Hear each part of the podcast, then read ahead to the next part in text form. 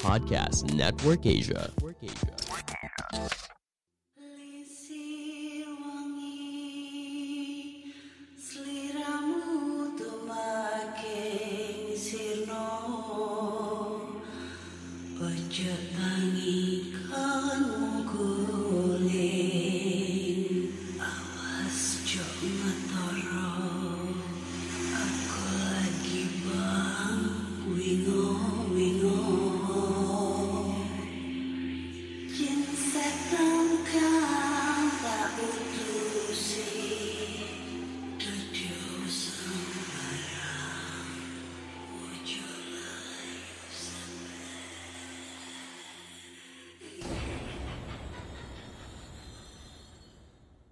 Hai Re, iya apa kabar Ketemu lagi dengan aku si Ana di podcast kisah horor. Kita bertemu di episode 193 dan di episode kali ini aku akan membacakan cerita horor ataupun email berhantu yang sudah dikirimkan teman-teman melalui podcast kisah horor at gmail.com atau di Instagram podcast kisah horor serta Google Form yang linknya tersedia di bio Instagram podcast kisah horor. Hmm. Ya apa rek, ya apa, ya apa, piye kabare, piye kabare, piye kabare kawan-kawan semua. Wah, teman horor di mana pun kalian berada, gimana kabarnya? Kalau aku sih, ya enggak dong. Enggaknya kenapa ya, karena ini sakit lagi ya, Surabaya panas banget, terus hawanya bikin orang sakit itu, pilak batuk ya. Ini sekarang udah bindeng-bindeng dari kemarin sih sebenarnya bindeng ya. Terus habis itu hati gue juga sekarang lagi nggak enak gitu ya. Karena kemarin itu eh saking keponya aku kenapa si Rio anjing itu ke sini, gue sampai nge DM itu ceweknya.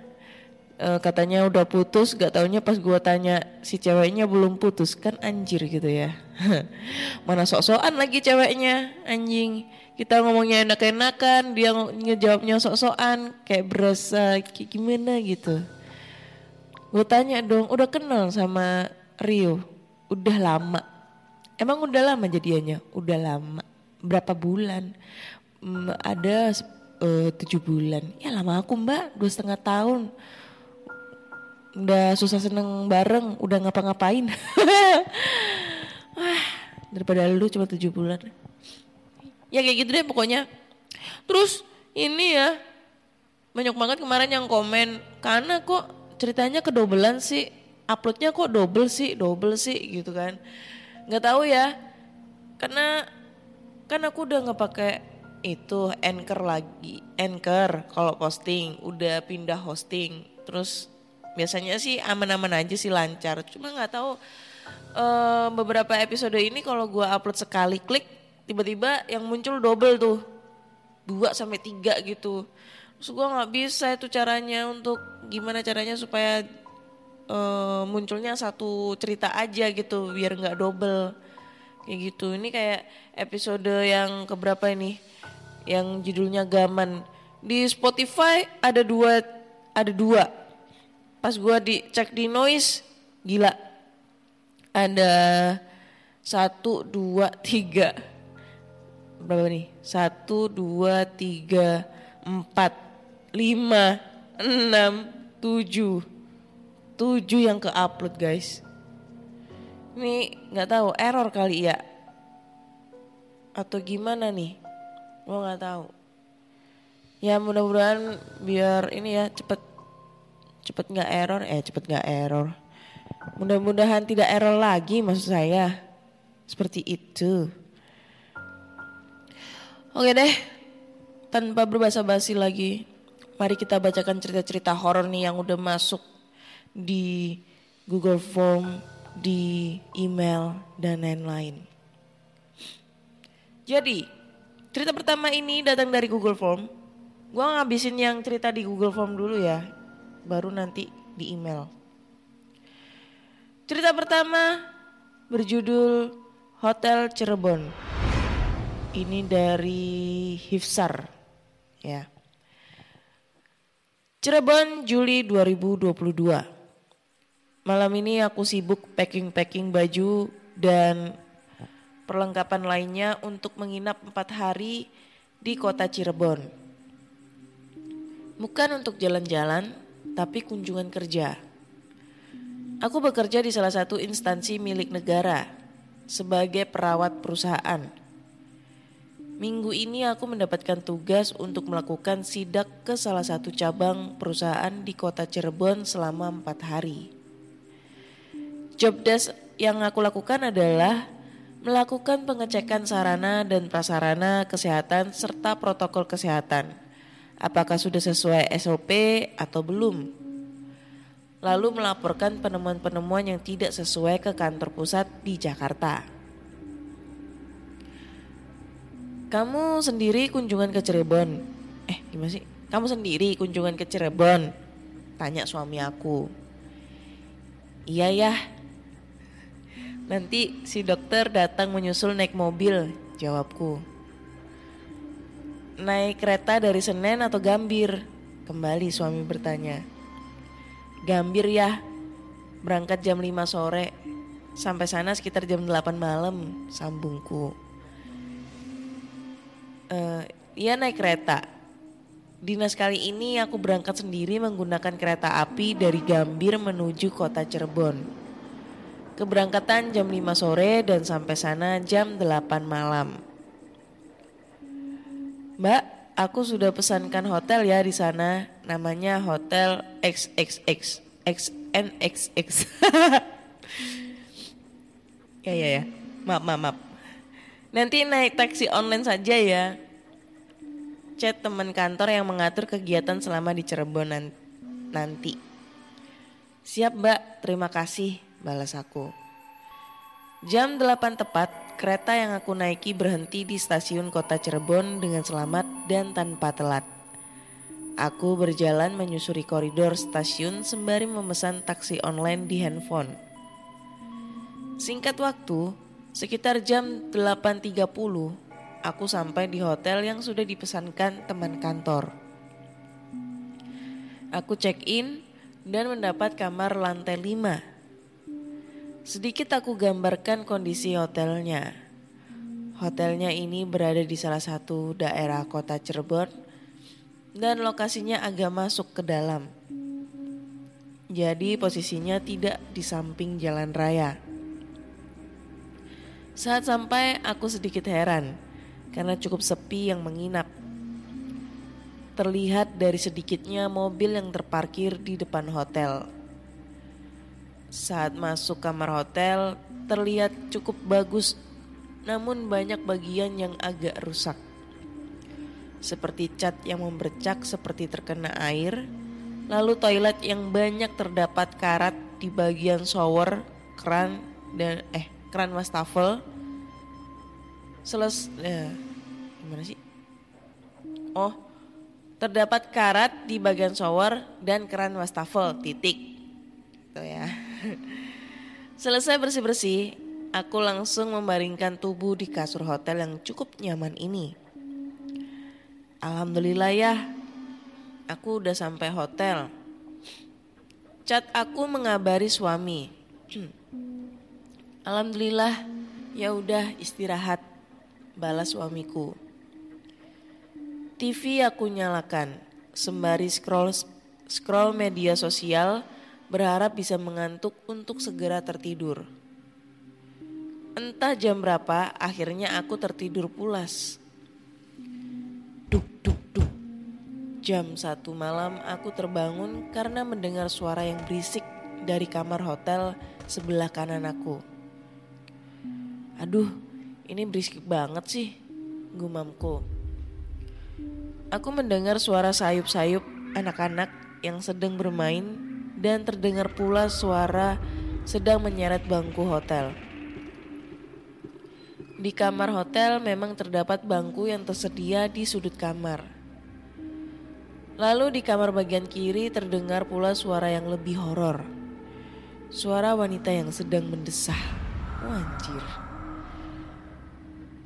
Aku mencoba tidur kembali karena cukup mengantuk dan alhamdulillah terbangun jam 5 pagi untuk segera mandi. Sholat subuh dan bersiap sarapan ke bawah. Saat turun ke lobi untuk sarapan, aku kepikiran untuk menanyakan ke pihak resepsionis hotel dan sedikit komplain untuk masalah semalam. Mbak, maaf mau nanya untuk kamar 5 eh 50XX kok semalam berisik banget ya? Kira-kira tamunya menginap berapa hari ya? Kalau misal mal kalau misal lama, saya mau pindah kamar saja mbak, tanya aku. Sebentar kak, saya cek dahulu ya. Maaf kak, untuk kamar 50XX dari kemarin itu kosong dan tidak ada yang check in. Jawab mbak resepsionisnya. Waduh, ini sih persis kayak cerita-cerita horor yang sering aku dengerin di podcast horor. Akhirnya mengalami sendiri dong karena memang sangat jelas terdengar suara anak kecil, dua anak kecil yang sedang bercanda, lompat-lompat dan menyeret-nyeret bangku.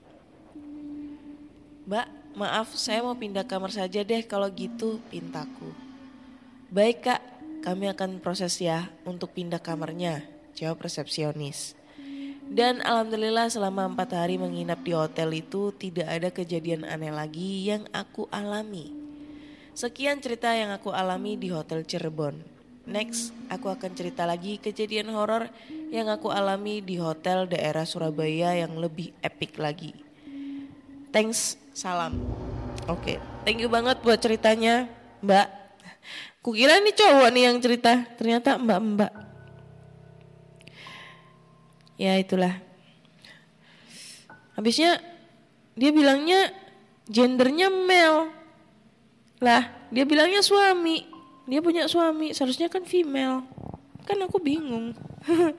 Ini cewek apa cowok? Waduh, kok punya suami kalau cowok? Oke, cerita tentang hotel di Cirebon. Hotel Cirebon. Kira-kira hotel mana tuh ya? Yang sekiranya angker banget di daerah kota Cirebon. Kalau di Surabaya ini ya uh, eh, gue nggak tahu.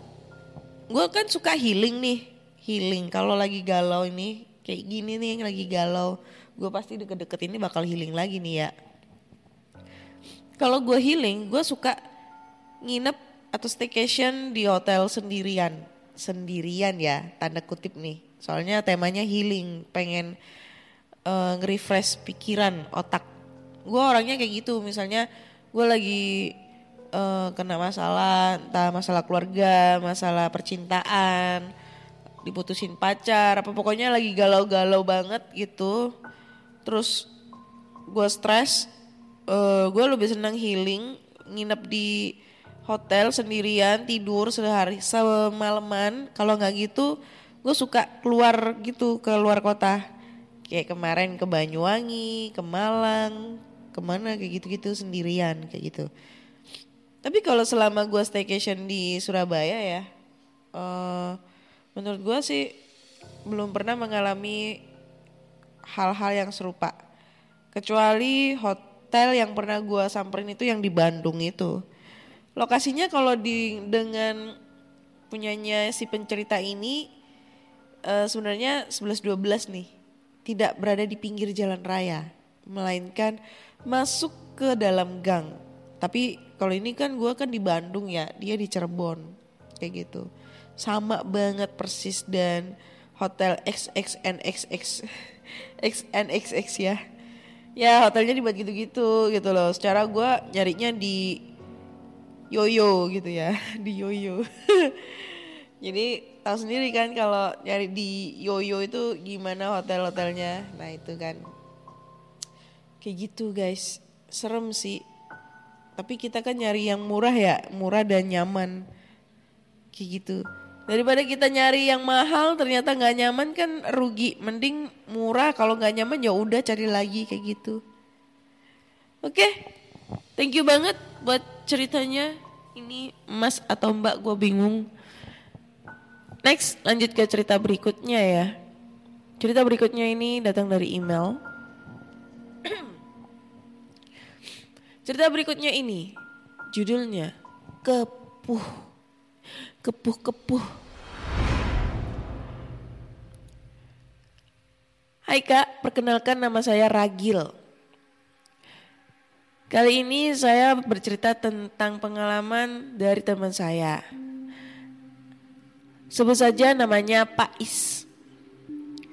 Beliau adalah pegawai salah satu toko yang terkenal di Indonesia. Mall itu memiliki banyak sekali cabang, bahkan tersebar hampir di seluruh pulau utama Indonesia. Tidak bisa dipungkiri tuntutan kerja membuat Pak Is harus rela dikirim bertugas ke luar pulau. Tempat kerja Pak Is di luar pulau itu melewati areal dengan dua batang pohon kepuh kembar. Saat itu Pak Is seperti biasa melewati areal tersebut. Tidak ada yang aneh. Namun pikiran Pak Is merasa nggak tenang Beliau menengok ke arah kepuh kembar tersebut. Pohon kepuh memang sering kali dikaitkan dengan hal-hal mistis.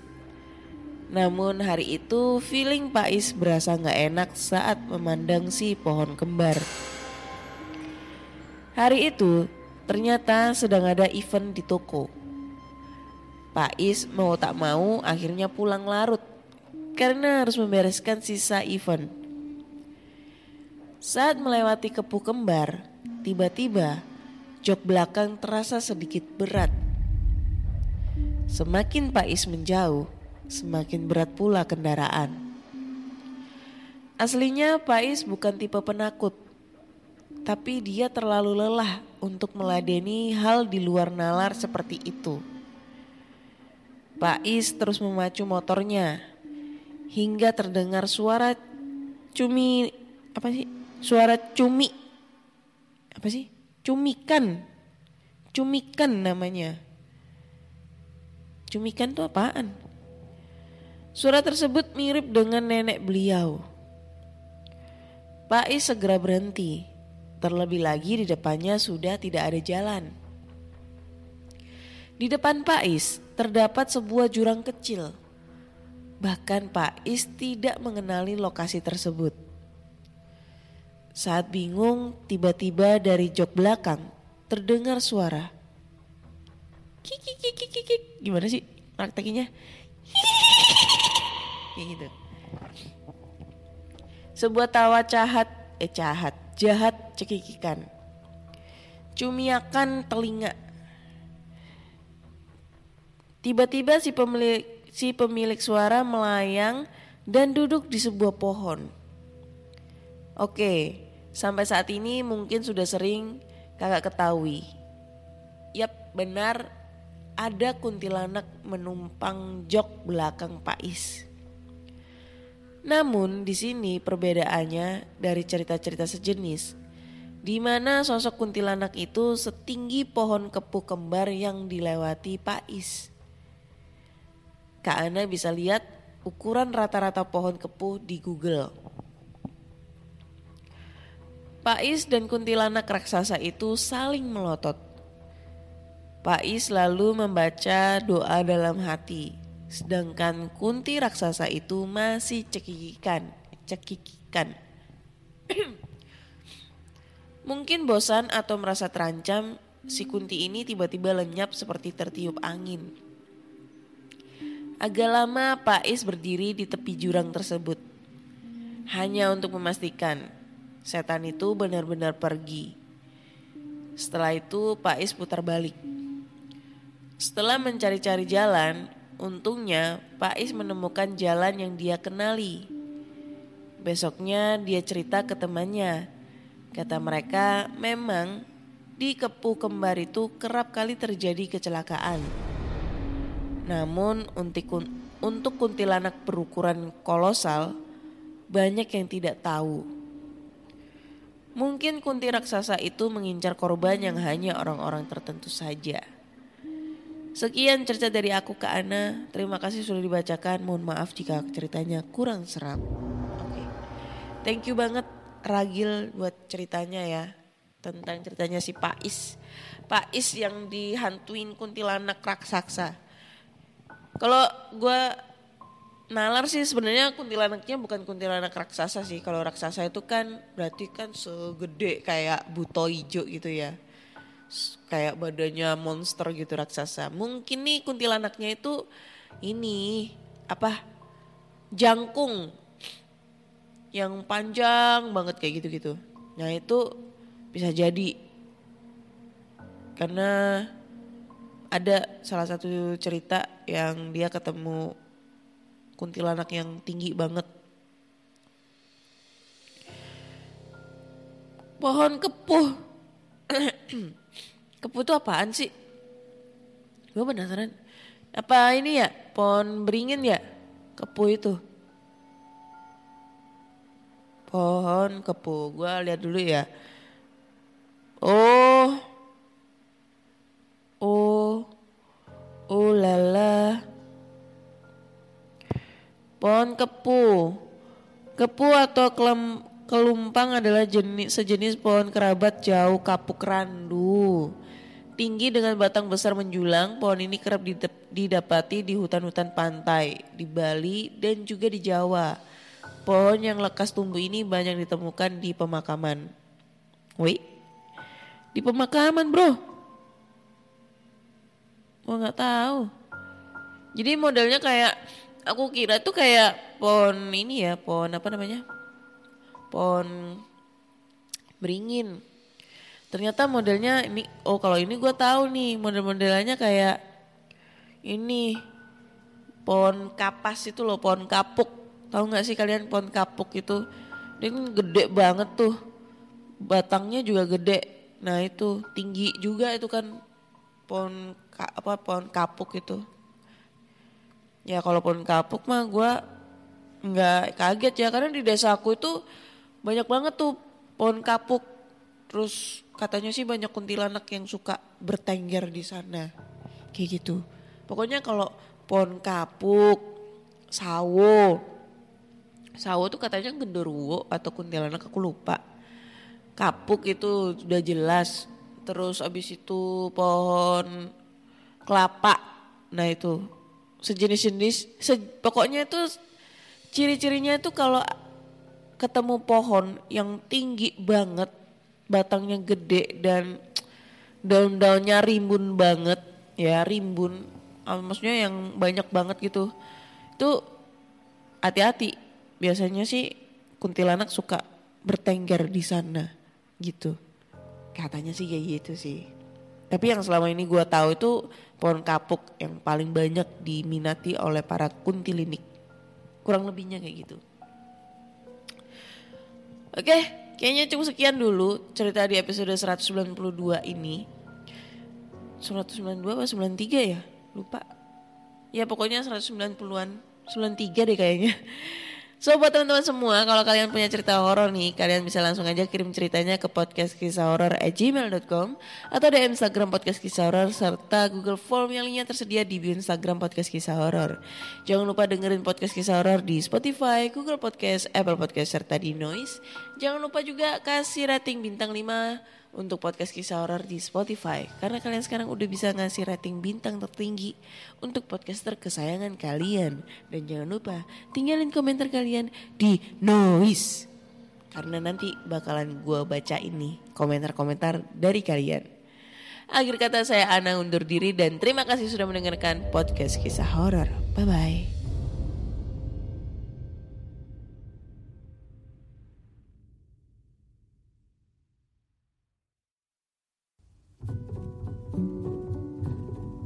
Pandangan dan opini yang disampaikan oleh kreator podcast, host, dan tamu tidak mencerminkan kebijakan resmi dan bagian dari podcast Network Asia.